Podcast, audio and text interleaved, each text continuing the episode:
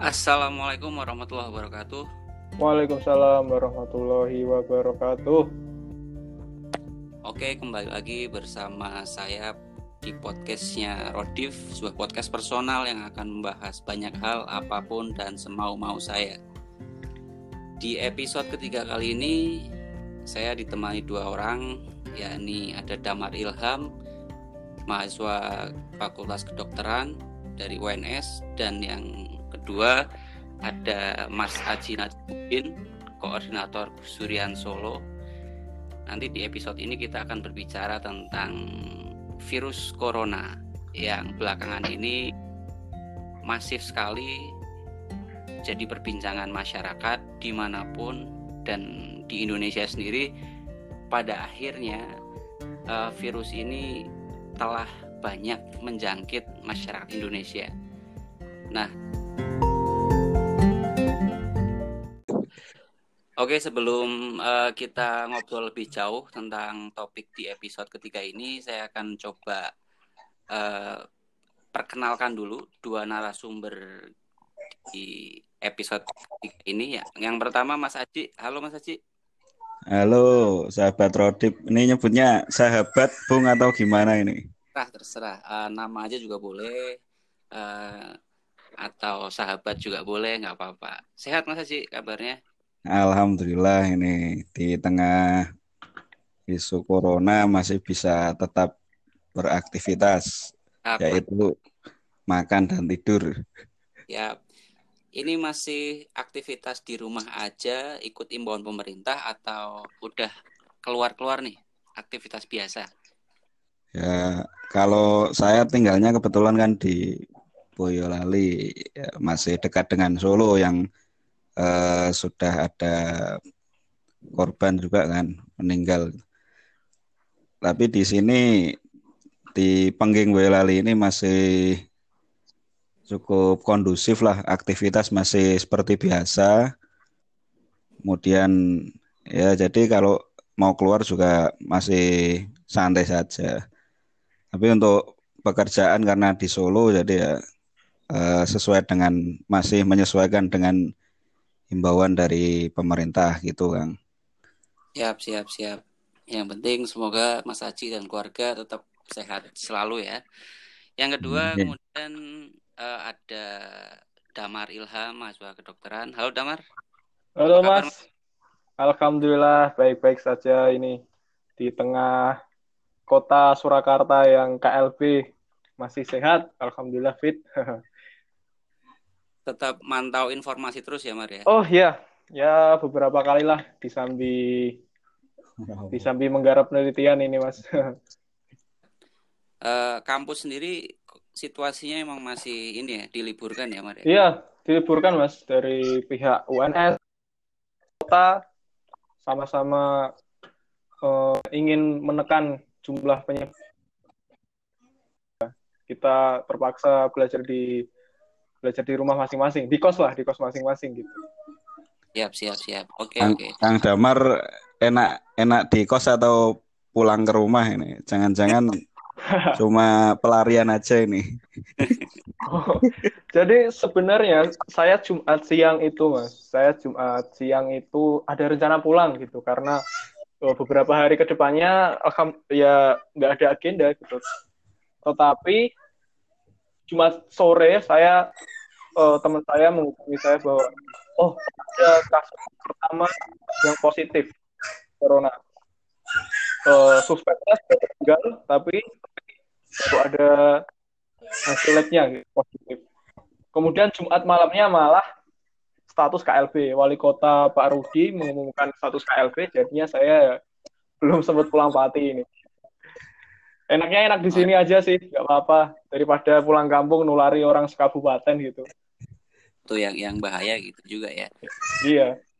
Di rumah nggak disuruh macul tuh sahabat damar. Enggak tapi nggak enaknya di rumah bukan macul apa enggak tapi nggak ada wifi. Nah, iya. Kalau di sini kan ada enak.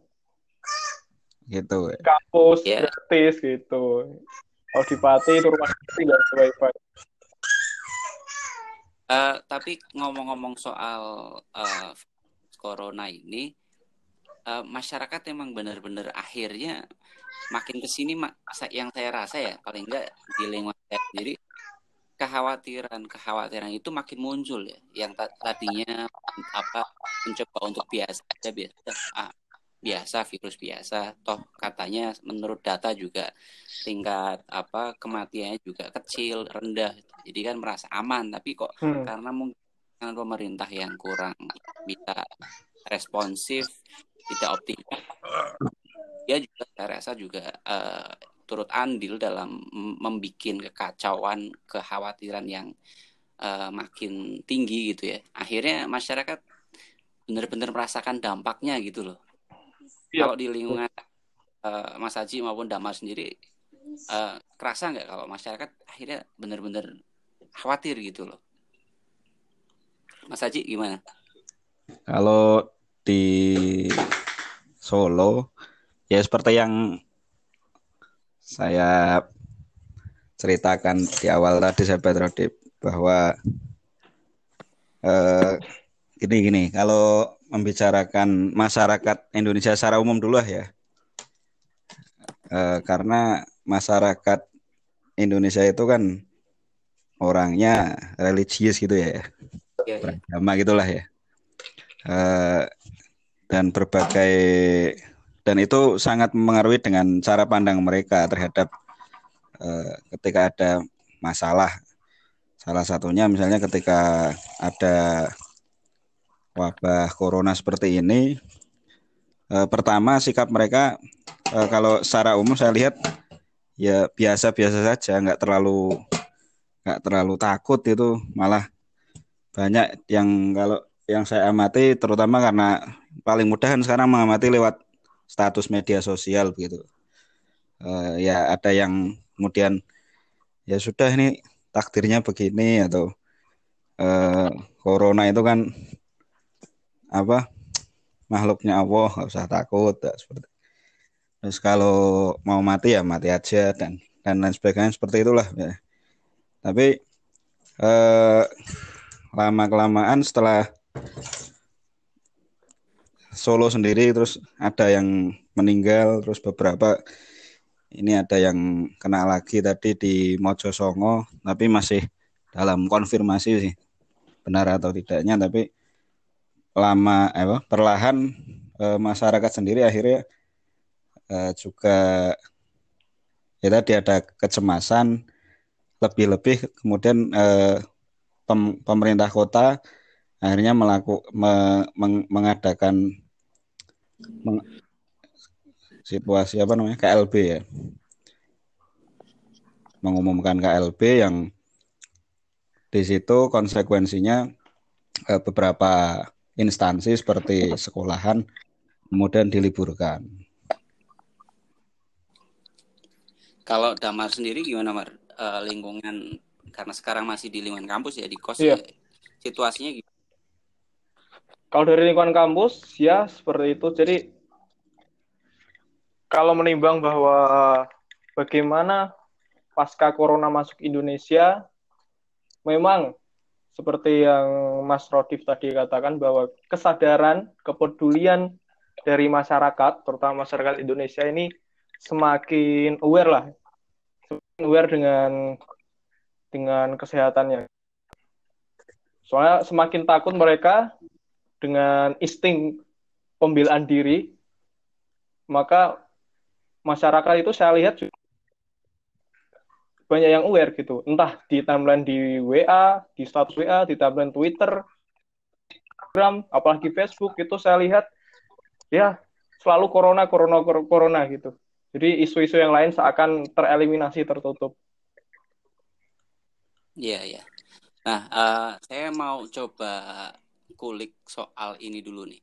Uh, dari kejadian corona ini kan titik awalnya di Cina hmm. ya di Wuhan kemudian meluas karena aktivitas uh, penerbangan, aktivitas transportasi yang masif. Eh, negara-negara uh, lain selain Cina mungkin tidak menyadari bahaya corona yang ternyata sampai sekian uh, masifnya gitu loh. Uh, bahkan Indonesia sendiri tadinya guyonan masyarakat gitu ya kok aneh ya Indonesia bisa dilewati gitu loh sementara Australia New Zealand sudah kena tapi Indonesia kok masih aman-aman gitu loh yeah. negara sekitarnya ya Singapura kan sudah yeah. terpapar lebih dulu dari gitu. Januari dekat nah, ya uh, bahkan hari ini Eropa bener-bener kayak uh, gelap banget gitu yeah. ya uh, sepi aktivitas banyak hal akhirnya harus ditutup ditunda Nah, uh, Indonesia banyak statement yang kalau kita tahu di media ya kita baca tadinya kalau menurut pandangan saya awalnya tuh kayak meremehkan gitu loh banyak pejabat politik kita mungkin menganggap ah nanti juga kita bisa nangani lah atau nggak masuk lah atau ah itu kan virus biasa sakit biasa gitu loh tapi setelah masuk ternyata penyebarannya begitu cepat gitu yeah. loh nah di sudut pandang medis sendiri nih Damar sebagai mahasiswa kedokteran uh, terkait hal ini gimana Mar? Uh, janganmu Mar. Oke, okay, untuk uh, dari insting dari masyarakat sendiri ya, itu pasti melihat corona yang awalnya awalnya memang ter, uh, terlalu menyepelekan gitu. Awalnya kan dari Januari, awal Januari 2020 ini sudah muncul isu adanya virus wabah baru di kota Wuhan, kemudian Wuhan di lockdown. Nah, mungkin mas, kenapa masyarakat sebegitu uh, aware-nya sekarang beda dengan awal Januari dulu? Padahal virus ini sudah ada di Januari, karena masyarakat ini mereka semakin takut maka semakin aware. Misalnya ketika oke okay lah, oh virus ini hanya ada di Wuhan gitu, muncul di Wuhan. Oh ya udah, Kemudian mahasiswa mahasiswa Indonesia yang juga uh, tinggal di Wuhan 200-an 243 datanya itu tidak ada sama sekali yang terkena gitu. Tidak ada sama sekali yang terkena dampak positif terkena corona positif. Tidak ada yang terdiagnosis positif corona. Mungkin terutama gara-gara itu maka uh, masyarakat Indonesia terlalu menyepelekan gitu. Begitupun pemerintah kita. Tetapi ketika sudah mewabah ke Indonesia pertama kali di tanggal di tanggal 24 Februari eh, di tanggal 2 Maret ketika Presiden Joko Widodo mengumumkan ada dua kasus COVID positif di warga Depok itu masyarakat mulai berbondong-bondong gitu. Saya lihat ketika di Alfamart, di Indomaret gitu, di depan pintunya ada tulisan antiseptik telah habis gitu, masker sudah habis. Padahal sebelumnya belum pernah sampai seperti itu. Nah, ini dampak baiknya adalah masyarakat mulai aware dengan higienis gitu, dengan higienitas dirinya. Gitu. Pencegahan preventifnya itu sudah ada. Itu segi positifnya. Kemudian kalau negatifnya ya seperti itu. Ternyata kota Solo adalah kota yang lebih dulu mengalami dibanding kota-kota yang lain. Tidak beruntungnya Solo seperti itu sih. Gitu. Kalau saya boleh masuk saya betul Gimana Mas Haji? Kalau saya sih eh, tadi selain yang Damar sampaikan itu kan eh, masyarakat kurang sadar begitu ya terhadap bahaya ini. Tapi kalau saya malah lebih menekankan pada upaya negara sih.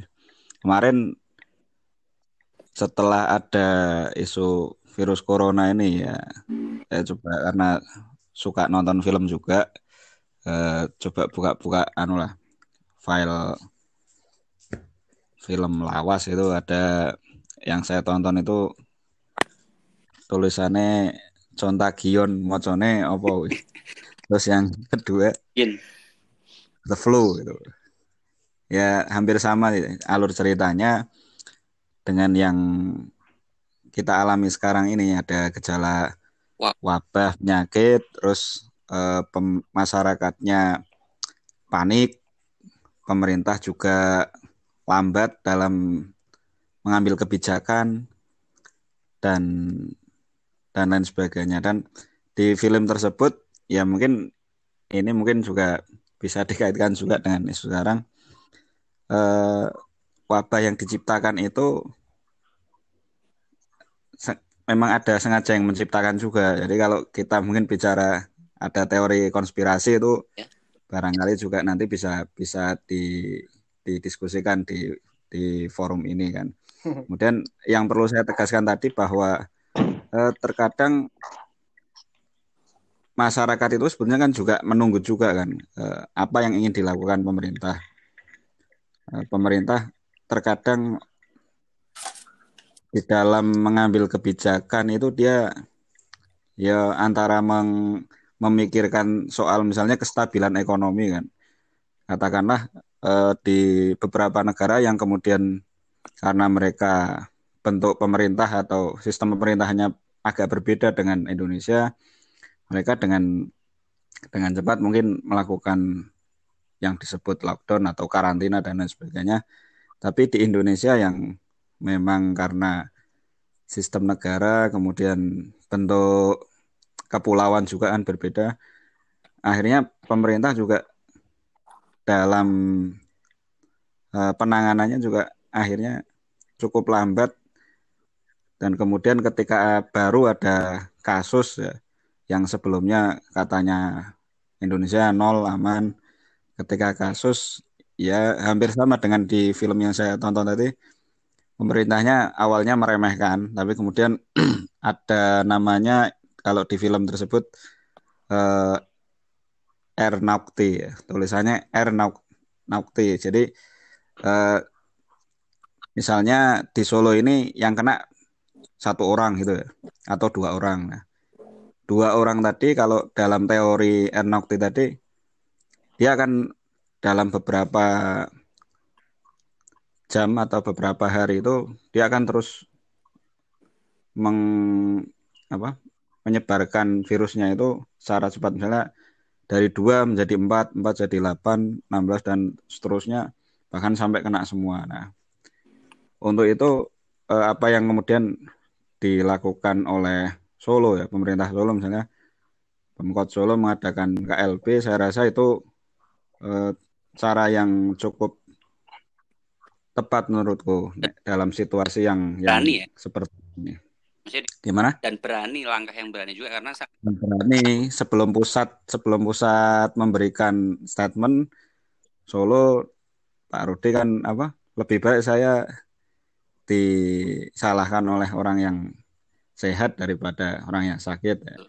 Sementara misalnya di Boyolali sendiri yang nggak jauh dari Solo, Pak Seno malah mengeluarkan statement uh, Boyolali aman kemudian uh, kalau yang mau sekolah ya masih dipersilakan dan besoknya di Boyolali adalah ada yang positif satu lah kan hanya jadi kayak senjata makan tuan juga kan dengan pernyataannya uh, yang ingin saya sampaikan lagi bahwa uh, saat ini sebetulnya masyarakat sangat butuh dengan uh, ketegasan soal ketegasan pemerintah dalam melakukan penanganan ya. Bahwa bahwa kondisi saat ini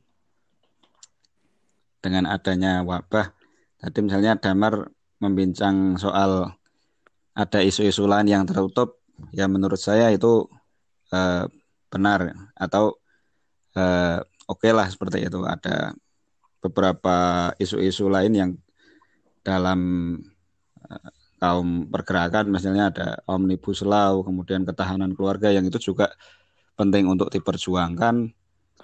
Tapi menurut saya di dalam kondisi mungkin yang ya sementara saat ini mungkin seminggu atau dua minggu ini ya memang prioritas uh, isu utama terutama kaum pergerakan misalnya saya dari Gus Durian ya ya memang harus ikut konsen di isu itu entah bantu sebisanya apalah gitu. bisa begitu apa gitu ya lah ya sosialisasi iya. tentang bisa sosialisasi kemudian eh,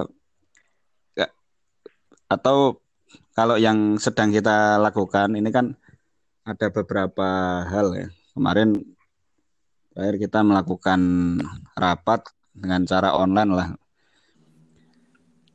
Eh, yang pertama soal edukasi tadi bahwa eh, masyarakat harus semakin aware dengan adanya isu corona ini, jangan meremehkan bahwa kasus yang terjadi di Malaysia ya, eh, ada acara tablik akbar kan itu. Tablik akbar. Tablik akbar yang tablik akbar yang pada awalnya tidak diduga sama sekali akan kemudian menjadi salah satu super spreader ya, atau penyebaran yang kemudian cukup masif tidak hanya di Malaysia bahkan eh, termasuk di negara-negara lain yang warganya kemudian ya di Brunei kemudian di Singapura termasuk di Indonesia sendiri juga eh, ada yang ikut kena imbas dari ikut kegiatan tersebut ya.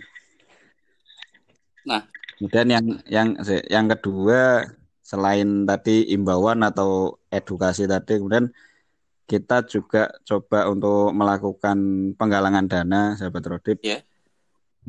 lewat kita bisa dan ada Gus Durian peduli kan.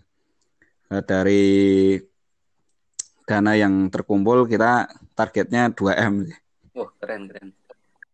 2M tapi sampai kemarin pas diumumkan Mbak Alisa itu yang terkumpul baru 130 juta.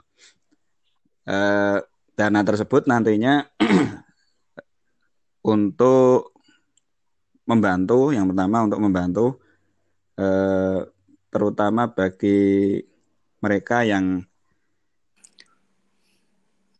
yang misalnya memiliki pekerjaan ya, yang memiliki pekerjaan, terutama yang kaum menengah ke bawah kan, kaum menengah ke bawah yang karena ada karena adanya wabah ini kemudian mereka harus uh, tidak bekerja. Misalnya karena ada anjuran di rumah saja tadi kemudian pekerjaan mereka yang sing kudune uh, nek ora op, ora, apa dapur kudu ngebul yeah, yeah. yang mungkin mereka nggak memiliki tabungan yang harus bekerja kalau nggak bekerja nggak makan gitu kan nah itu yang nanti salah satu prioritas yang akan kita bantu dari dana tersebut. Kemudian yang kedua eh, dari dana tersebut kita juga ya mungkin nanti sedikit banyak untuk eh, korban juga nanti yang penanganan korban atau membantu. saya lihat sendiri uh, di saya ngamati dari medsos ya paling Gus Durian saya rasa cukup tanggap responnya baik cepat gitulah uh, dari Mbak Alisa paling tidak sebagai pionirnya hmm. saya amati uh, aktif memberikan apa membuat flyer atau pamflet digital gitu ya poster-poster sebagai yeah. kepada masyarakat untuk tetap tenang tapi juga uh, nggak perlu panik tapi tetap waspada. Karena bagaimanapun corona ini kalau kita lihat uh, beberapa orang yang akhirnya terjangkit secara positif itu kan gejalanya tidak bisa diketahui secara pasti gitu loh. Yeah. kontaknya di mana dengan siapa itu nggak tahu normal-normal aja tapi setelah dites tiba-tiba positif gitu loh Gusian saya rasa di situ uh, telah melakukan usaha yang bagus lah uh, dan mungkin uh, saya sebagai uh, masyarakat awam di sini uh, coba memposisikan bahwa seandainya kemudian komunitas-komunitas itu lebih digalakkan untuk bekerja sama gitu ya menyuarakan satu isu penting ini masalah tentang corona ini agar di semua kalangan masyarakat terutama masyarakat yang hari ini wilayahnya belum terpapar gitu loh. Misalnya di tempat saya sendiri Pekalongan mungkin masih dalam status aman. Tapi kan kita tidak tahu besok ternyata ada gitu loh. Karena yeah. sebagaimana Solo atau Boyolali atau lain tiba-tiba saja kan terjadi seperti itu. Itu mungkin komunitas di setiap lokalnya untuk lebih didorong menyu uh, menyuarakan tentang hidup sehat lah atau antisipasi tentang misalnya penyediaan antiseptik atau apa mumpung belum kejadian kan gitu ya betul Kang Rodip makanya yang kita galakkan juga soal social distancing itu kan ya. Iya, di di rumah. Soal apa? Jaga jarak dan lain sebagainya termasuk akhirnya eh, Munas PBNU di Sarang itu kan diusulkan salah satunya oleh Mbak Alisa dan teman-temannya untuk kemudian ditunda karena apa? Karena di situ kan Munas itu pasti yang hadir Surya, Iya. kiai-kiai sepuh itu yang eh, sangat rawan atau rentan untuk terkena dari virus corona ini. Nah, kemudian eh, ya tidak hanya itu sebetulnya ya yang kita harapkan eh, beberapa kegiatan-kegiatan yang sifatnya di situ melibatkan banyak orang, apalagi sampai jumlahnya ribuan orang, eh, yang tadi kita khawatirkan kondisinya sama seperti yang di Malaysia tadi ya, kegiatan tablik akbar tadi ya, itu yang ingin kita cegah dari kegiatan tersebut bahwa eh, sekarang yang yang cukup menarik kan eh, besokan misalnya hari Jumat ya. Ini kan lagi eh, gayeng juga di medsos eh, Jumatan di masjid Jumatan atau ya. sholat Nah, rumah. Kalau untuk kalau untuk Kang Damar saya kira malah seneng itu ya. Ada anjuran seperti itu. Tapi enggak. Jadi eh, kosan saya itu pepet. Jadi kalau Jumatan di masjid pun ya sama aja gitu lah. Sama aja dengan di rumah, di kos ya nggak ada Oh bedanya. gitu ya. Cuma jarak tiga langkah. Jumatan online boleh nggak Belum ini? ada fatwa saya kira. Nggak tahu mungkin bisa ditanyain di DM Nggak PCNU ada ya. nantilah. Kalau ada di episode selanjutnya.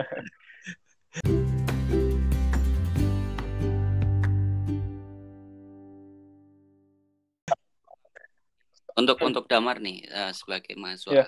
kan ya. Kemarin saya coba on YouTube-nya Hmm. Deddy Corbuzier ya wawancara dengan Pak Ahmad Ah, Yuryanto iya. ya sebagai jubir COVID-19 ini. Di situ saya kaget gitu loh. Loh, kok ternyata begini ya?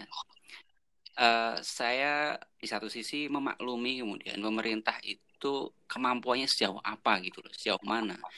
Tapi juga sangat menyayangkan bahwa ternyata masalah ini itu juga yang harus bertanggung jawab itu ya banyak pihak juga gitu loh. Swasta, masyarakat juga harusnya tanggap eh, untuk nanganin bareng-bareng kasus ini.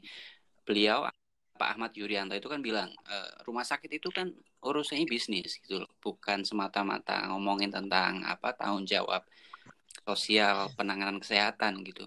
Misalnya di awal video di YouTube itu kan ada satu pasien yang eh, terpapar virus corona secara positif, kemudian dia bercerita bahwa awalnya di rumah sakit A kemudian tidak bisa menangani dia diminta untuk rujuk ke rumah sakit B tapi tidak diberi fasilitas secara cukup gitu loh diantar lah atau apa karena ini kasus khusus Hmm. gitu ya dia bilang andai saja saya kemudian malas tidak melanjutkan proses pengobatan ini ke rumah sakit rujukan ya saya pilih di rumah dan beraktivitas biasa dengan tetangga dengan keluarga nanti nular ke banyak orang kan gitu loh Pak Ahmad Yudi kemudian menanggapi bahwa ya dia ngomong kita semacam nggak siap gitu loh pemerintah itu sebenarnya dengan berbagai macam fasilitas kesehatan di rumah sakit pemerintah atau rumah sakit swasta pun akhirnya menolak karena atas alasan kalau menangani pasien corona nanti nggak laku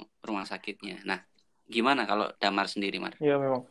Itu adalah suatu ya rahasia umum ya bagi dunia kesehatan bahwa eh, memang rumah sakit swasta ya wajar juga berpikiran seperti itu gitu. Bahwa ketika ada pasien yang termasuk suspek corona, terindikasi corona, itu akan membahayakan dari rumah sakit swasta itu tadi gitu loh. Rumah sakit yang menjadi di bawah naungan Pemprov gitu, di bawah naungan. Ya, maka dari itu bukan sebuah alasan bagi pemerintah kenapa pemerintah kurang sekali eh, kurang sekali dalam pelibatannya untuk melakukan tindakan preventif gitu menyandangkan tindakan yang bagaimana sih cara menekan tingkat penularan seperti itu. Ya yang kurang sekali itu. Kalau kita bandingkan, kalau kita banding negara-negara lain, Indonesia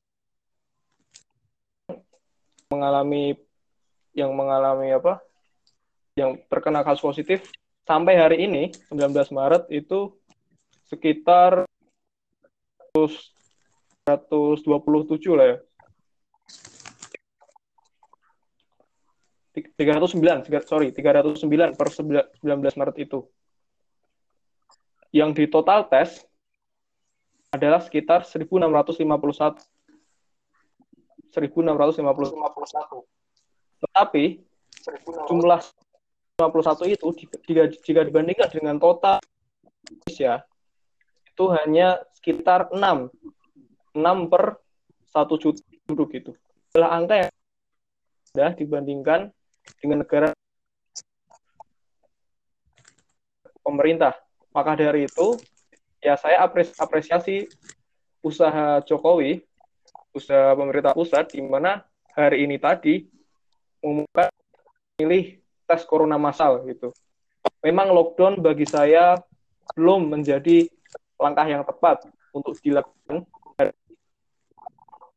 Mungkin bisa, tetapi dengan bertahap gitu yang menjadi cara pemerintah yang paling efektif untuk menekan angka penyeb uh, pandemik ini, endemik ini adalah tes corona massal dan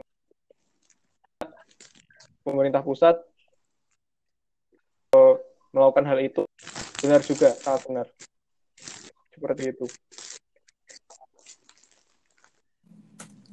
Lalu kalau apa terkait fasilitas yang ada ya, yang yang didorong oleh pemerintah misalnya Gubernur Ganjar Pranowo sendiri untuk di Jawa Tengah yang siap jadi rujukan kasus ini rumah sakit ini ini, ini gitu. Itu kan tidak ternyata tidak semua rumah sakit eh, RSUD baik milik provinsi maupun pemerintah kota maupun kabupaten pun ternyata siap. Mungkin untuk penanganan isolasinya iya tapi eh, cek awal tidak semua rumah sakit memiliki fasilitas lengkap. Nah, sementara baru tadi kalau tidak salah Jokowi kan kemudian memilih untuk tes massal ya, yang minta hanya untuk uh, apa mendatangkan alat itu dari mana Cina atau mana ya Shanghai kalau nggak salah uh, sebanyak berapa gitu. Uh, nah, uh, apakah kemudian nanti itu juga akan turun di apa di masyarakat di seluruh daerah dia gitu loh.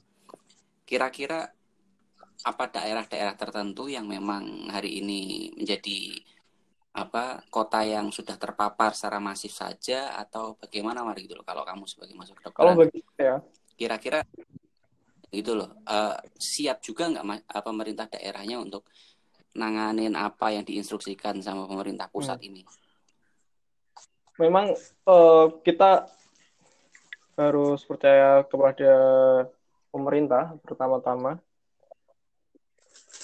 Tetapi pemerintah juga harus uh, memastikan bahwa instruksi yang digalakkan dari pusat itu berpengaruh terhadap kinerja kinerja dari per daerah-daerah gitu Misal selama ini ya kita tahu bahwa di Jawa Tengah ada kota Surakarta, kemudian Magelang dan juga Semarang yang sudah intensif iya. menangani yeah. dan ada gitu positif corona. Nah, biasanya masyarakat juga bertanya-tanya kan bahwa oh ini kok cuma di tiga kota ini gitu loh.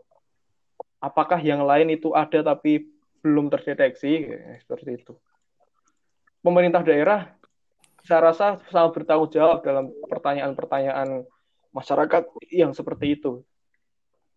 Dan yang lebih penting dari instruksi Presiden Jokowi pada siang hari tadi adalah memang dari pemerintah-pemerintah daerah harus siap menyiapkan paling tidak RSUD RSUD yang ada di tiap daerah itu menyiapkan ruang-ruang isolasi bagi suspek corona itu. Saat ini saya rasa memang sudah sudah ada gitu. Mungkin ini ya dari Pemprov Jateng hanya beberapa yang menyediakan tes corona gratis. Tetapi untuk ya menyiapkan di setiap daerah memang sudah ada gitu loh. Jadi di Jawa Tengah ini hampir semua kabupaten sudah ada eh, pasien-pasien yang masuk dalam ODP atau PDP gitu. ODP yaitu orang dalam pemantauan, orang dengan geja dengan ciri, kriteria orang dengan gejala demam lebih dari 38 derajat Celcius atau ada riwayat demam atau ISPA tetapi tanpa memiliki riwayat perjalanan ke negara yang terjangkit corona. Kemudian ada juga PDP, pasien dalam pengawasan. Itu yang mempunyai demam, kemudian ISPA, ISPA itu infeksi saluran pernafasan atas, dan juga kriteria lain dari PDP yang membedakan dari ODP tadi adalah dia memiliki riwayat perjalanan seperti itu. Itu dari Jawa Tengah menurut data Pemprov Jateng itu semua sudah memiliki ODP maupun PDP gitu. Entah di Kudus, entah di Wonosobo maupun Tegal. Jadi untuk saat ini sih saya masih yakin ya bahwa pemerintah daerah sudah ada sudah ada apa ikhtiar untuk menanggapi pemerintah dari instruksi dari pemerintahan pusat untuk menangani wabah ini gitu. Karena ya memang tidak dapat dipungkiri bahwa eh, Indonesia terutama Jawa Tengah, terutama Solo tempat saya kuliah di sini masyarakatnya sangat-sangat memang masih aware dengan ini dan masih waspada, masih waspada dengan dengan isu endemik ini, corona ini. Tetapi yang dibutuhkan selain waspada adalah ketenangan masyarakat itu loh dan produktivitas masyarakat. Dan siapa yang menjamin itu? Saya rasa tetap selain pemerintah pusat adalah pemerintah pemerintah daerah di kabupaten maupun kota di Jawa Tengah gitu. Dan untuk saat ini eh, saya tambahkan informasi bahwa ada 12 kasus positif di Jawa Tengah yang sudah meninggal ada tiga dan dirawat 9 yang sembuh masih nol ya kita doakan semoga sisanya bisa sembuh eh, semua segera Amin. kemudian di Solo ini yang masih kategorinya parah gitu jadi di Solo itu sudah meninggal dua, kemudian ada kasus aktif tiga gitu. Untuk penambahan hari ini hanya ada di kota Semarang yaitu satu pasien. Kalau kemarin di Surakarta bertambah dua gitu. Kalau Magelang sudah dari eh, jauh hari ada satu pasien positif COVID-19 ini. Gitu. Uh, jadi potensi untuk penambahan uh, jumlah pasien ini sebenarnya tetap yeah. tinggi ya kalau melihat dari bagaimana respon pemerintah tindakan-tindakan uh, yang mereka ambil kemudian pelayanan fasilitas kesehatan yang juga hmm. kurang memadai. Kadang banyak yang saya banyak di, yang di saya Twitter di, di Twitter uh, bilang uh, ini jadi ini jadi apa saya apa rasanya sehat saya rasanya sehat tapi kalau ternyata tapi kalau ternyata lalu saya harus nah lalu saya harus nah, padahal saya sudah padahal dari ya, saya sudah nulari ya, ke tangga nulari saya. ke tangga saya fatal kan fatal lalu kan? kalau ke lalu kalau ke uh, tentang, uh, tentang situasi di mas yang situasi di mas akhirnya ya. gitu. apa sih yang di, di apa sih yang di, sama di, kan gitu sama kan gitu mas biar uh, masyarakat uh, santai. Santai. juga waspada, juga waspada. Nggak melupa. Nggak melupa. Ya salah satunya tadi kan uh, soal edukasi ke masyarakat eh, bahwa ini keadaannya memang nggak luar biasa, biasa gitu ya. luar Tapi biasa mas luar biasa. Tapi ya namanya orang kan punya persepsi beda-beda. Ada yang ya karena faktor ekonomi tadi dia eh, berpikir ya ya kalau aku nggak nggak keluar, aku nggak kerja, ya nanti mau makan apa gitu. Ada juga seperti itu. Dan ada juga yang ya karena soal pemahaman agama kan, pemahaman agama yang kemudian eh, mempengaruhi cara dia bertindak juga atau cara dia mengambil keputusan eh, seperti yang ya tadi yang sempat saya singgung ada beberapa tokoh kemudian yang entah dari mana dia bukan tokoh agama dia bukan apa kemudian menganjurkan ayo rame-rame Ya, ke masjid. Iya benar. ya anjurannya benar ya nggak nggak salah tapi kalau meminjam Firsa Besari itu kan di waktu yang salah itu. Ah, Jadi- ah, ini Ya, iya. nggak gini gini. Eh, ya saya saya agak geram juga sih ya dengan eh, orang-orang seperti itu.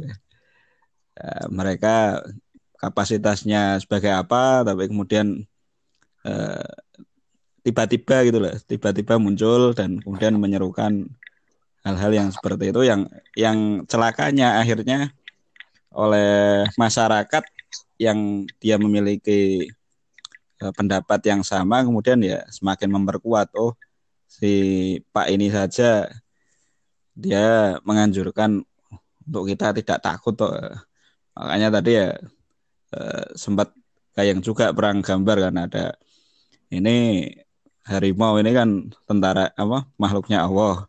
Kamu mau nggak eh, dikerangkeng bareng di kandang sama harimau? Ya, tentu kan secara logika, secara nalar ya tentu kita nggak mau. Tapi karena corona ini virus nggak kelihatan, ya apa? Iya. Susah juga sih untuk pemahaman masyarakat. Makanya eh, untuk terkait penyadaran itu ya barangkali ya bisa kita mulai dengan di lingkungan kita atau di komunitas kita sendiri. Eh, karena. Iya, di komunitas kita sendiri atau kalau saya punya keluarga ya keluarga saya sendiri.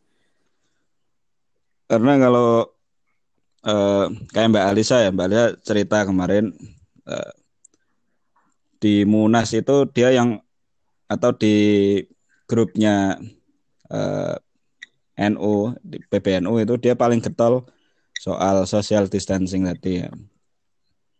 Kemudian akhir Maret ini kalau nggak salah dia mau diundang di di hallnya Mbah Lim. Eh, Kemudian sebetulnya sudah sama Mbak Alisa kemudian gini kan lah saya di beberapa apa di banyak kesempatan itu getol soal jangan kita melakukan kegiatan dulu secara massal kok ini malah eh, kalau saya hadir ya berarti saya eh, ikut mengamini kan kegiatan tersebut. Jadi apa yang kita kita apa ya apa yang kita edukasikan ke masyarakat jangan sampai kita sendiri yang kemudian yang melanggar ya itu itu eh, konsekuensi kita sebagai public figure misalnya ya kalau anda merasa sebagai public figure ya itu yang yang eh, salah satu hal yang penting untuk dilakukan pada saat ini. Kemudian kaitannya tadi apa sahabat Rudip? buat Masyarakat buat buat tidak Anda membuat tidak Anda untuk tidak panik mestinya ya ada peran anu juga ya peran eh, kerjasama lah kerjasama antara terutama dalam hal ini ya pemerintah ya karena mereka yang punya regulasi ya seperti yang kemarin misalnya dilakukan di pasar Klewer atau pasar Bentengan itu. Pemerintah kemudian eh, menutup sehari pasar tersebut untuk kemudian dilakukan penyemprotan disinfektan. Kemudian di tempat-tempat umum lain seperti rumah ibadah, masjid dan lain sebagainya, pasar termasuk pasar tadi ya. Eh, juga kemudian dilakukan hal yang sama yang itu setidaknya kalau kalau menurut saya ya bisa mengurangi kepanikan dari masyarakat tadi. Buktinya hari ini tadi hari Kamis eh, Benteng kemudian Klewer walaupun ya masih sepi tapi eh, pedagang sudah diperbolehkan lagi untuk untuk berjualan. Dan itu ya paling enggak wis lumayan lah gue apa ya? Istilahnya mau lerem ke hati nih masyarakat ya.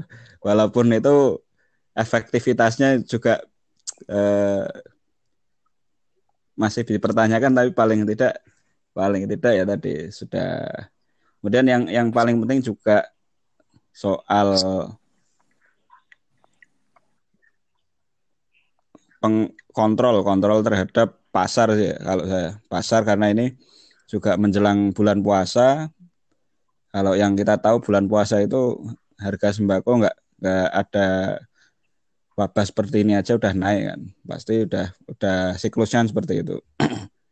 Apalagi nanti ini udah menjelang bulan puasa eh, harga yang sekarang sudah mulai ya kalau saya banyak ngobrol sama penjual-penjual udah mulai mereka uh, ini barang-barang kok sudah larang-larang ini dan lain sebagainya keluhannya seperti itu ya. kemudian juga ketika mencari misalnya untuk apa jenenge sing cuci tangan weh. Nah, itu terus kemudian juga masker kan entah ada yang menimbun atau bagaimana ya yang jelas masyarakat sekarang butuh. Nah, yang yang di sini yang kemudian kita harapkan ada peran kerjasama lah ya.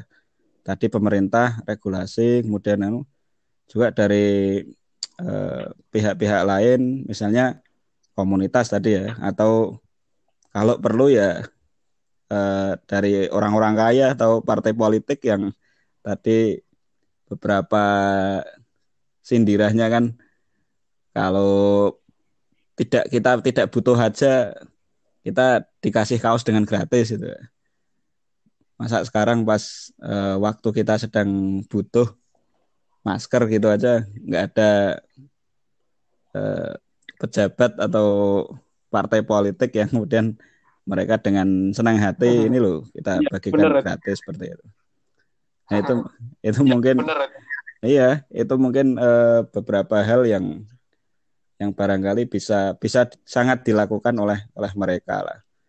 Kemudian yang yang terak yang menurut saya yang yang juga tak kalah penting eh, ya kita nggak usah terlalu membenturkan tadi lah misalkan dengan isu-isu yang lain yang yang yang ya sama-sama penting untuk diperjuangkan tapi ya please lah di di saat ini nggak usah kita benturkan yang mau memperjuangkan misalnya soal uh, yang lain juga monggo.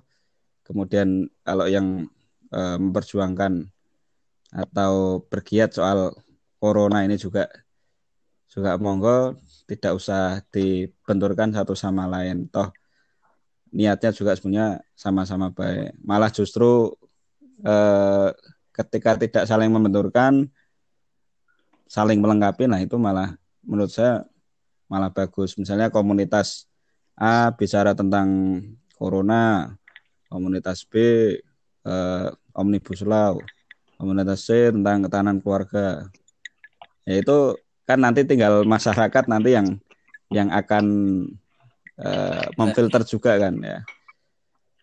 Jangan sampai nanti eh, misalnya kita kekeh soal isu A, tapi di saat ini yaitu masyarakat ya sebetulnya mereka juga paham oh ini penting. Tapi malah kan ya pinjam istilah di bukunya Joko itu loh yang apa snobisme. Jadi alih-alih kita itu ingin dekat dengan masyarakat tapi ternyata yang kita lakukan itu justru menjauhkan kita dari masyarakat.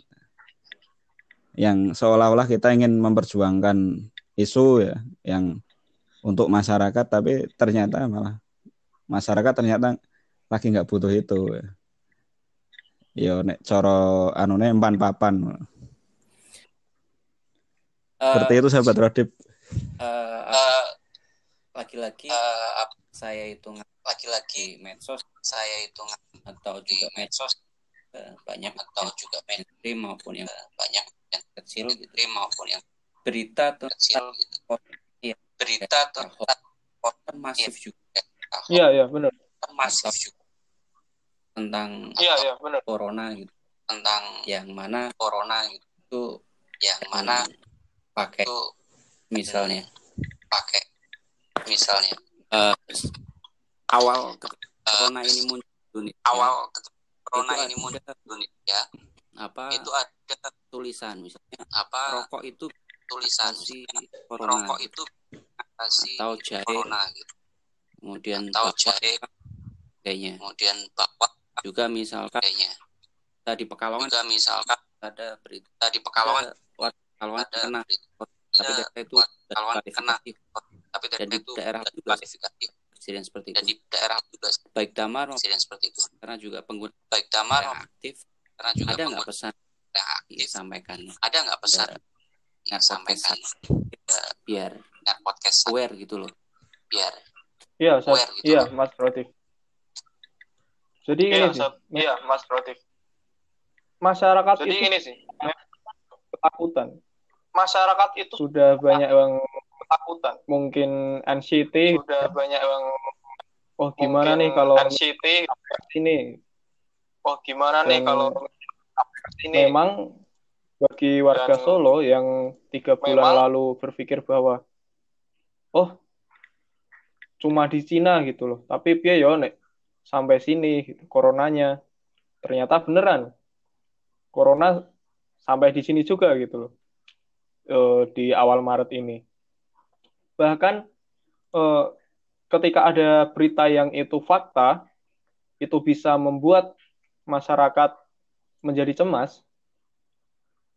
Di sosmed, terutama di WA, itu banyak sekali info-info hoax yang yang dibikin oleh para pelaku yang tidak bertanggung jawab. Dari Pemprov Jateng sendiri di web coronanya, di web corona jateng prof.go.id juga mengupload kumpulan-kumpulan hoax periode 1 Februari sampai 17 Maret jadi dari 1 Februari sampai 17 Maret itu ada banyak hoax-hoax dan ada sumbernya gitu. Misal dari Twitter mana, dari apa itu clearkan oleh Pemprov Jateng di sini. Bisa oleh di-download Pemprov Jateng kumpulan hoaxnya. Bisa di-download webnya kumpulan hoaxnya. Webnya Wah ini mestinya sahabat Rodif mengundang sahabat Bahar ini. Kemudian ini otoritas kemudian karena dia sebagai Indo iya. karena dia sebagai Indo ya. Iya. Narasumber di sini. Saya kira dua orang ini kan orang yang ikut dua orang ini kan Tos. orang yang ikut bahkan ya paling enggak kalau saya ya paling enggak kalau uh, saya kita sedang uh, situasi yang kita sedang cemas tak situasi yang ya. cemas sudah tetap tenang meskipun kita sudah ternyata tenang. Informasi yang beredar ternyata yang kita terima informasi yang beredar valid.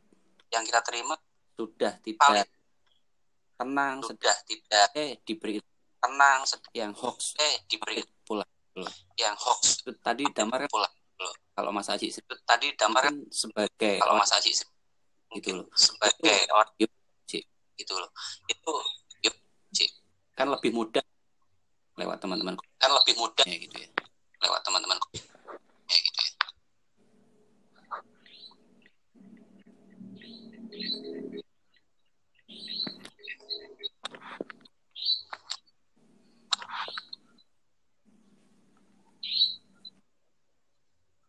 Ya, ini masuk ya, Dip. Kalau terkait hoax atau berita bohong dan lain sebagainya, itu di situasi apa pun pasti uh, akan akan bermunculan apalagi momen seperti ini ya dan kita juga tahu bahwa uh, politisi di Indonesia itu sangat gemar untuk memanfaatkan hoax untuk menyerang lawan lawan mereka ya. Entah dengan isu-isu lama tentang misalnya eh, sentimen anti Cina dan kemudian dikaitkan misalkan dengan agama lah misalnya eh, babi kelelawar dan lain sebagainya.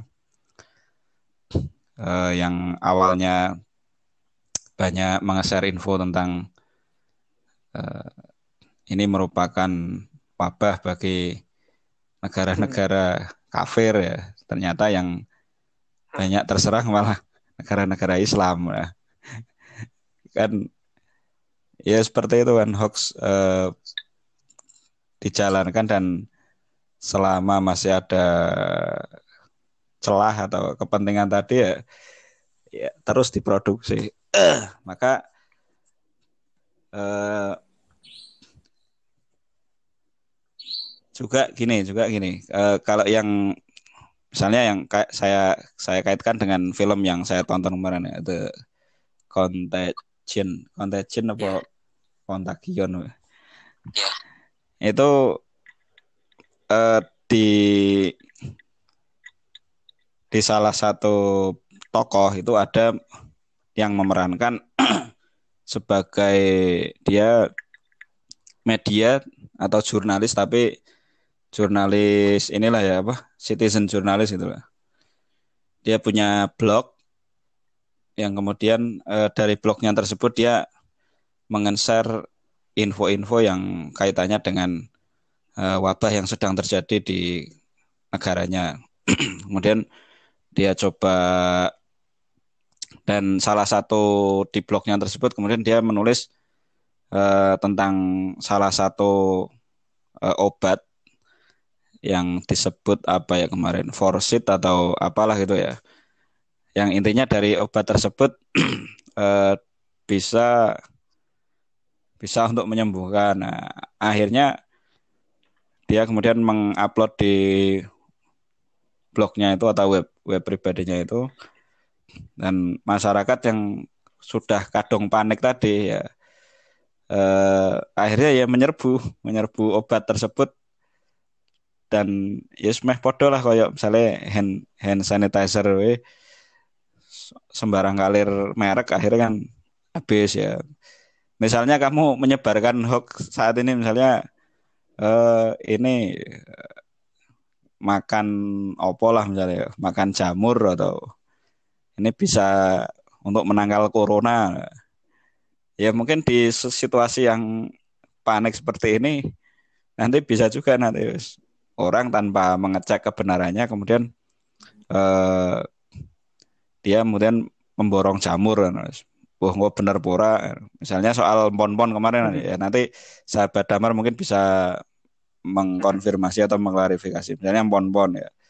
Ya terlepas benar atau tidak, kita kan nggak pernah ngecek itu. Pon-pon itu yang misalnya spesifikasinya yang uh, untuk penangkal virus itu yang apa atau kemudian kita beli semua pon-pon di pasar kita borong yang kemudian eh, tadi misalnya tet, eh, di lingkungan saya itu ada mbah-mbah bakul jamu yang kemudian mengeluhkan wah iya mas ini beras kencur apa jahe mahal yang tadinya berapa jadi berapa kali lipat itu ya karena efek-efek seperti itu yang ya itu entah karena hoax atau fakta kan kita nggak nggak tahu kebenarannya ya makanya eh, ya di masa sekarang juga tadi salah satu kerjasama kerjasamanya tadi selain mungkin pemerintah dan masyarakat juga komunitas komunitas yang mungkin yang sudah ada tadi misalnya anti hoax atau anti fitnah. Nah,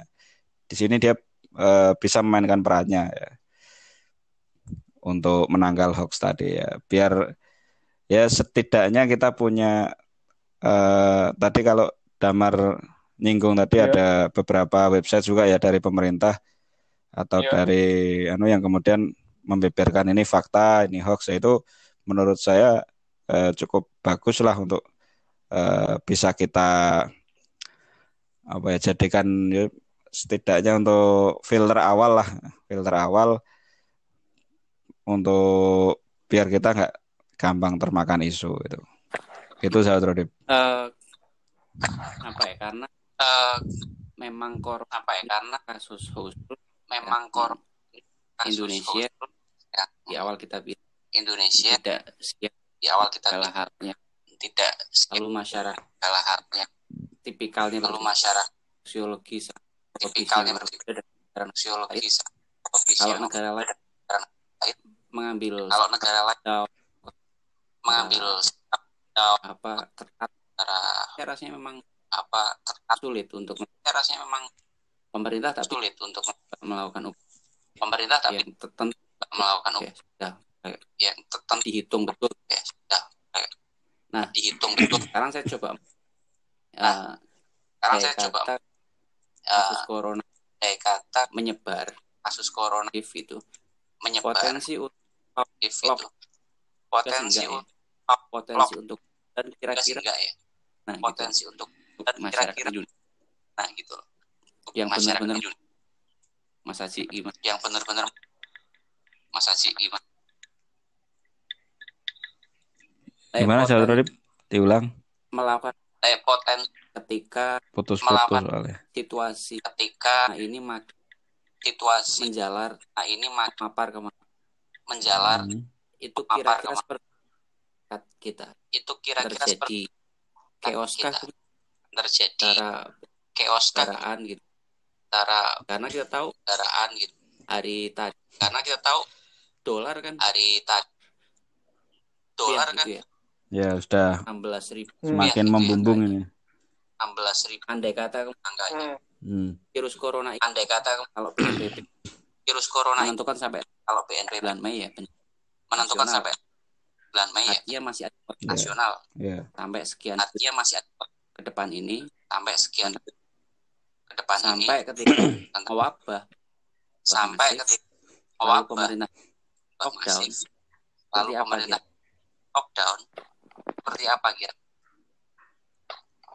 Kalau uh, kalau kapasitas saya sebetulnya bukan anu ya uh, nggak nggak nggak kompeten lah untuk uh, membicarakan hal yang seperti itu tapi kalau kita kaitkan misalkan dengan uh, beberapa situasi yang pernah terjadi ini ya. berarti ngomong sejarah kan ya, ya. Uh, yang pernah terjadi di Indonesia ketika ada kasus atau yang katakanlah itu eh, menimbulkan situasi chaos sebenarnya Indonesia juga sudah mengalami beberapa kali hal yang seperti ini ya. Jadi ini bukan kita bukan sekali ini mungkin kalau virus coronanya iya. Kita baru eh, menghadapinya sekarang. Tapi situasi nasional yang kemudian masyarakat harus tinggal di rumah, kemudian dilakukan jam malam dan lain sebagainya. Eh, negara kita sudah pernah melakukannya. Misalnya eh, tahun 65 misalnya, tahun 65 itu kan setelah terjadi peristiwa gestok ya. kemudian pemerintah waktu itu uh, memperlakukan jam malam ya di mana ya tidak semua orang akhirnya bebas ber berkeliaran ya kayak sekarang disuruh untuk libur kemudian malah liburan. ya.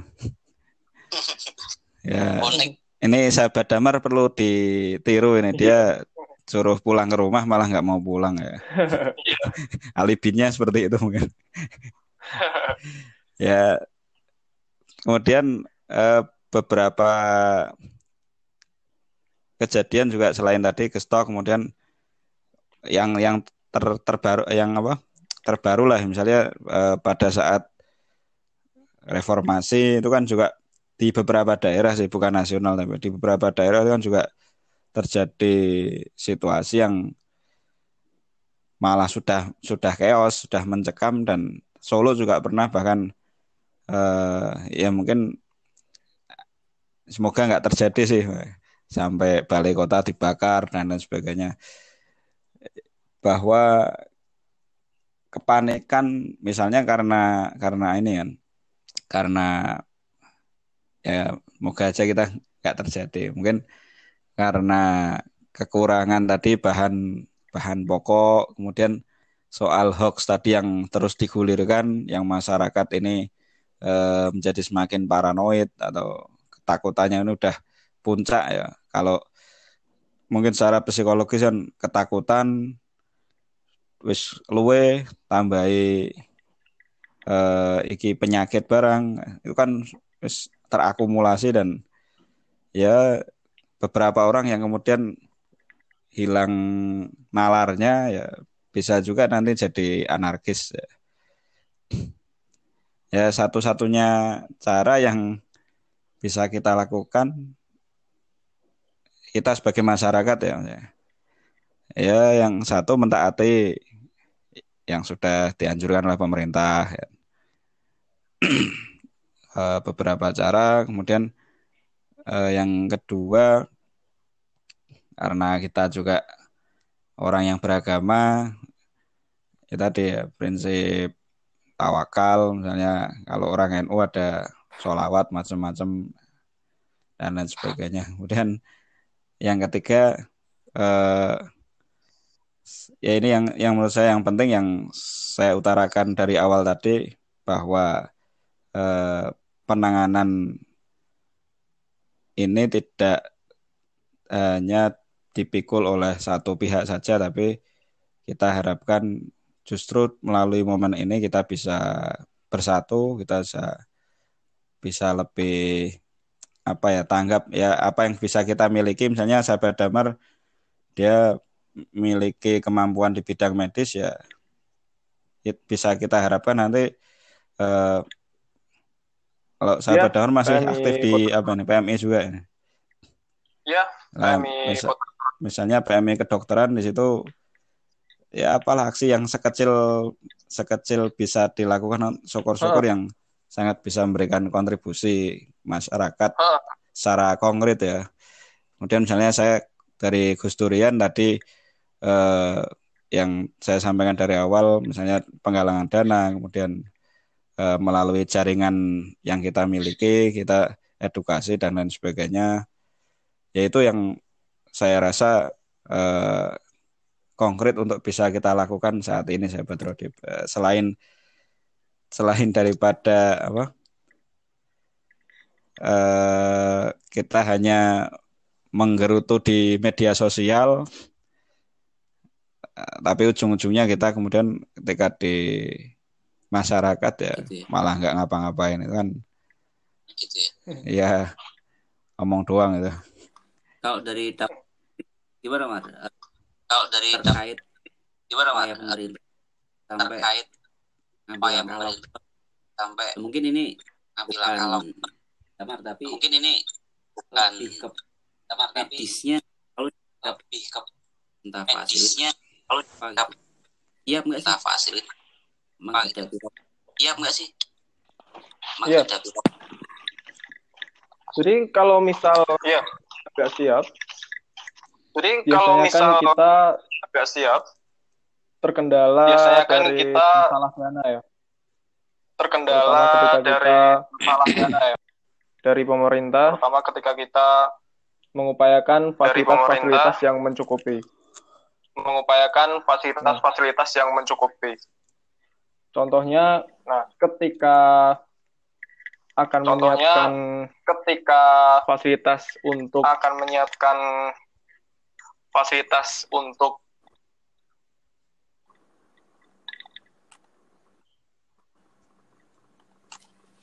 cek Ya, ya, Mas. ya jadi Cek. pemerintah Ya, ya, Mas. ketika ya jadi pemerintah menyiapkan tes massal ketika mu- berarti menyiapkan pemerintah harus tes massal. menyiapkan dana lebih. Berarti pemerintah fasilitas harus kesehatan yang mumpuni. menyiapkan dana lebih. Nah. Untuk fasilitas kesehatan yang mumpuni. ini tadi Nah. saya lihat di timeline. Ini Katanya tadi Jokowi saya lihat di heran. timeline, kenapa katanya Jokowi- ketika dianjurkan sosial? heran. Kenapa Masyarakat ketika malah ribut. dianjurkan sosial? Ya masyarakat sebenarnya juga masyarakat malah ribut. Kenapa pemerintah Ya pusat masyarakat sebenarnya juga ketika ada wabah kenapa pemerintah pusat walaupun ketika ada dari Indonesia belum ada yang terdampak, belum ada yang positif, malah menyanyiakan uang 72 miliar untuk membayar influencer gitu. Nah, ini kan yang harus diperhatikan.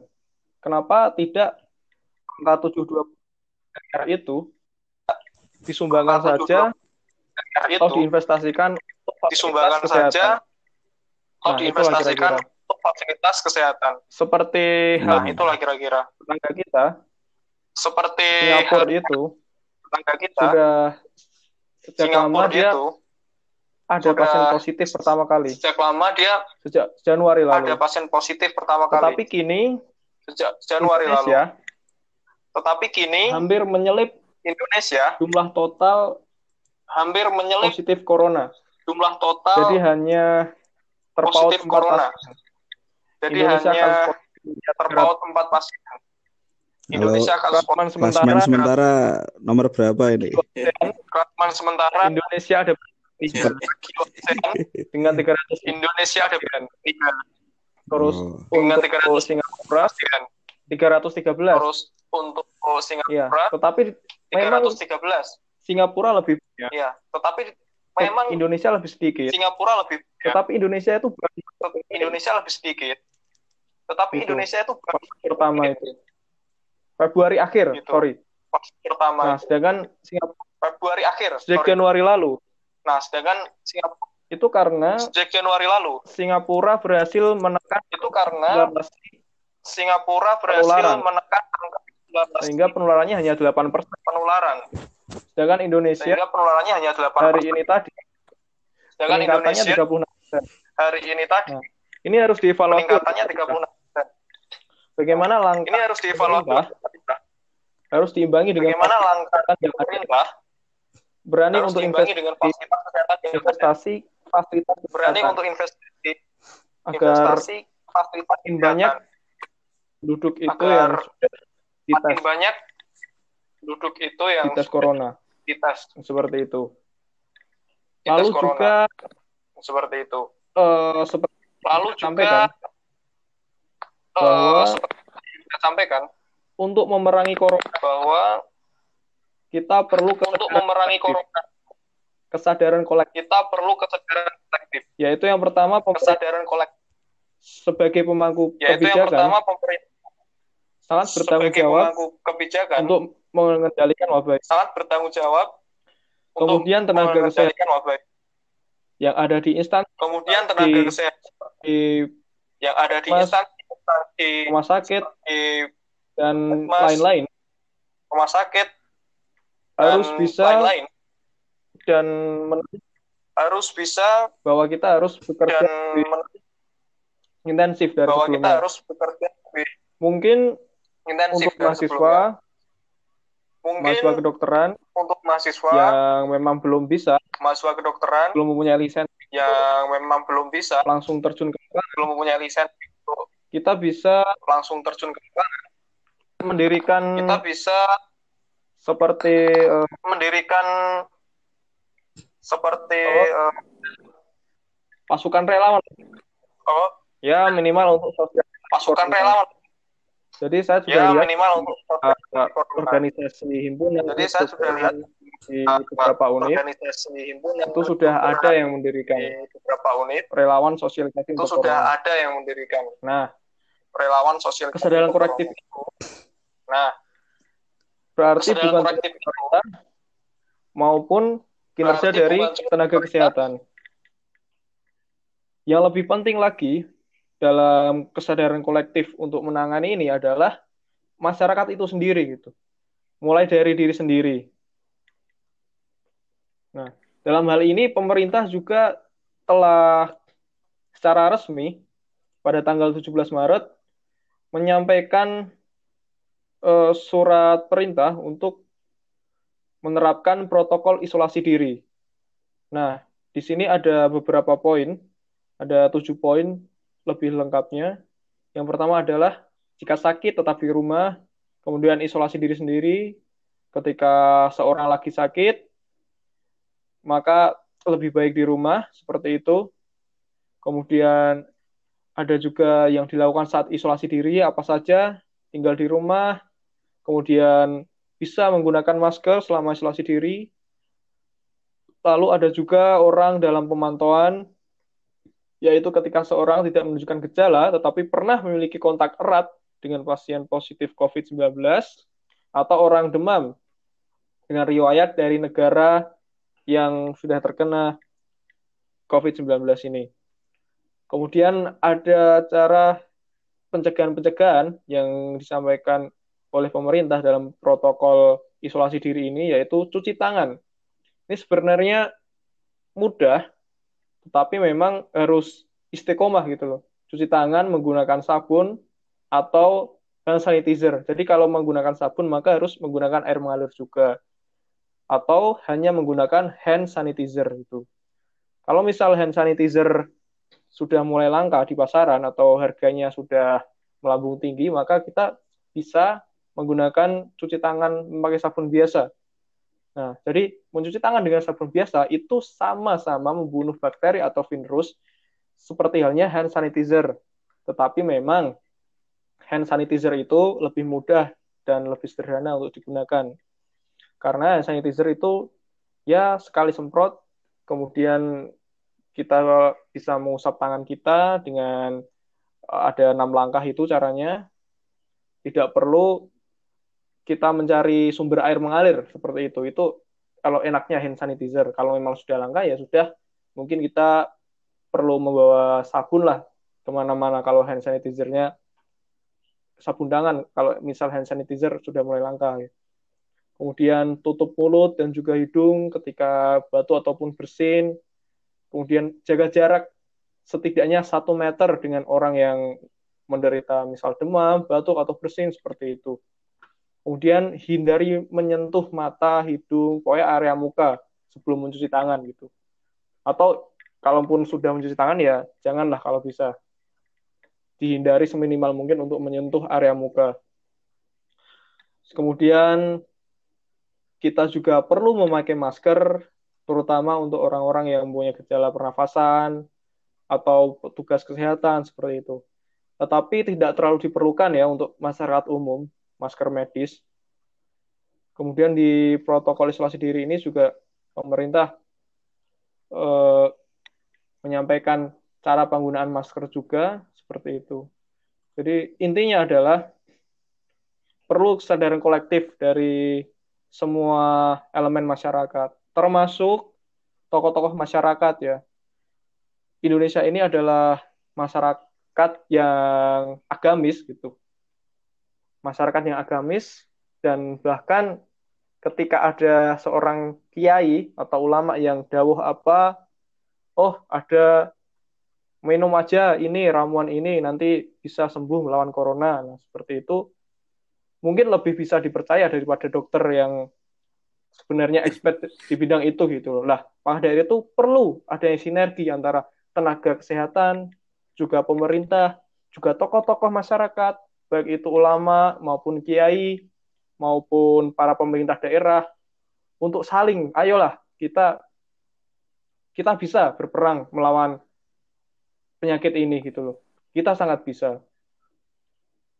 Nah, fungsi elemen-elemen masyarakat di sini juga sangat penting terutama memang untuk pencegahan gitu dan ulama-ulama juga sebenarnya harus apa harus mendapat teguran ketika eh, yang sesuatu yang disampaikan itu bersifat provokatif gitu atau yang mungkin secara ilmiah seharusnya tidak boleh dilakukan gitu.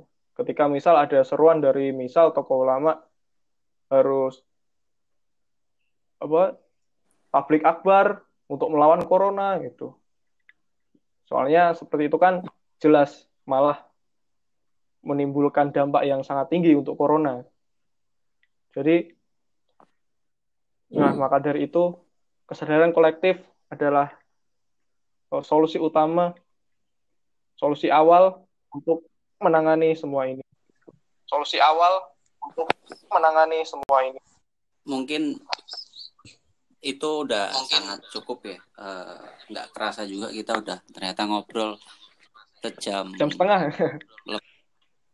Hampir satu jam setengah. Nggak kerasa. Ya paling nggak sampai kan Ya paling enggak Yoi, kopine kopine ora teko-teko tapi. paling nggak. Kita ini bisa. Paling enggak kemudian kita syukur ini bisa. didengarnya kemudian dan bersyukur didengarnya jadi membuat orang-orang jadi denger gitu loh. membuat orang-orang Kas- bener gitu loh. Mungkin Kalau sahabat Rodip sendiri ya Rodip apa? Eh, atau sahabat Damar ya mungkin. Dari corona ini sebetulnya ada yang paling diuntungkan nggak sih? ya kalau kalau kan Ya kalau kalau kalau kan coba berpikir kalau nalar konspirasi coba berpikir selalu ada konspirasi, kata saya selalu ada ke kata saya. Eh, mi- ya Amerika ya. dan Donald Amerika statement dan seolah-olah anti gitu ya? Seolah-olah virus ini bahkan anti gitu ya? Chinese virus ini Terus. Chinese virus. Chinese terus Chinese virus. Kita lihat aja pak. Selesainya ini. Kita lihat aja pak. Eh, selesainya ini. apakah kemudian eh, negara-negara Siapa yang paling kaya? lalu makin negara-negara terkutip oleh lalu makin berpower. Itu terkutip oleh misalnya lewat power ini dana-dana misalnya lewat karena kemarin sempat dana berita dana juga. Karena kemarin Indonesia siap. Berita juga. Indonesia siap. oleh IMF kredit tapi oleh di momen sekarang saya kira di momen pikiran-pikiran sekarang saya kira itu lebih baik pikiran-pikiran itu lebih tepikan dulu. mungkin kita tepikan dulu. Selanjutnya juga. Mungkin kita paling enggak selanjutnya juga masyarakat paling enggak butuh masyarakan eh, tenang butuh var ya. tenang secara par ya. responsif dan secara atau pihak-pihak. responsif otoritas ya, gitu. Ya. otoritas gitu. Nek puya aku iya. sepakat sahabat Rodip. mungkin bisa di kayak yang mungkin bisa di, karena yang menurut saya karena juga perlu mencari menurut saya salah satunya lewat media juga perlu podcast mencari teman-teman kita lewat media podcast mereka juga teman-teman kita. Itu mereka juga. Mungkin itu dulu. Gitu. Mas Aji dan mungkin itu dulu. Ketika Mas ini Haji dan Baik. Ya. sudah. Ketika ini. Ya. Semoga ada yang Ya. mendengarkan ya sahabat asal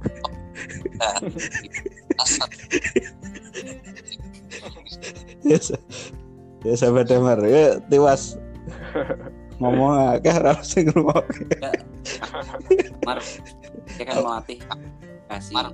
ya benar melatih biar lebih kasih ngomong gitu biar Iya, lebih benar. di gitu loh Oh iya. ngomong Followermu sudah berapa Ya. ini sahabat Rodip? Untuk sub Ya, subscribe untuk tapi nanti uh, subscribe di sini tapi nanti Iki nembe aku iki karo Damar. ya mungkin itu eh, sahabat Ya Ya, ya uh, Ya ya sahabat, closing statement apa piye? karena saya kira nggak perlu. Sehari-hari Enggak perlu ya wis. sehari-sehari ya desain pendengar. Dia saya ini desain pendengar. Via saya ini ya semoga kan kasus ya semoga selesai. kan kasus semua sehat. selesai. Beraktivitas. Semua sehat. Mula beraktivitas. Ya, biar mula ini sangat betul Nah, ini sangat betul. Dan juga jangan lupa dan rakyat NU juga jangan lupa. lawaknya RTNU tinggal lawannya lo panik. tinggal waspada. panik. Oke. Waspada. Terima kasih dan Oke. sampai terima kasih. jumpa di episode dan selanjutnya. jumpa yang di lain. selanjutnya. Yang wassalamualaikum lain. warahmatullahi wabarakatuh. Wassalamualaikum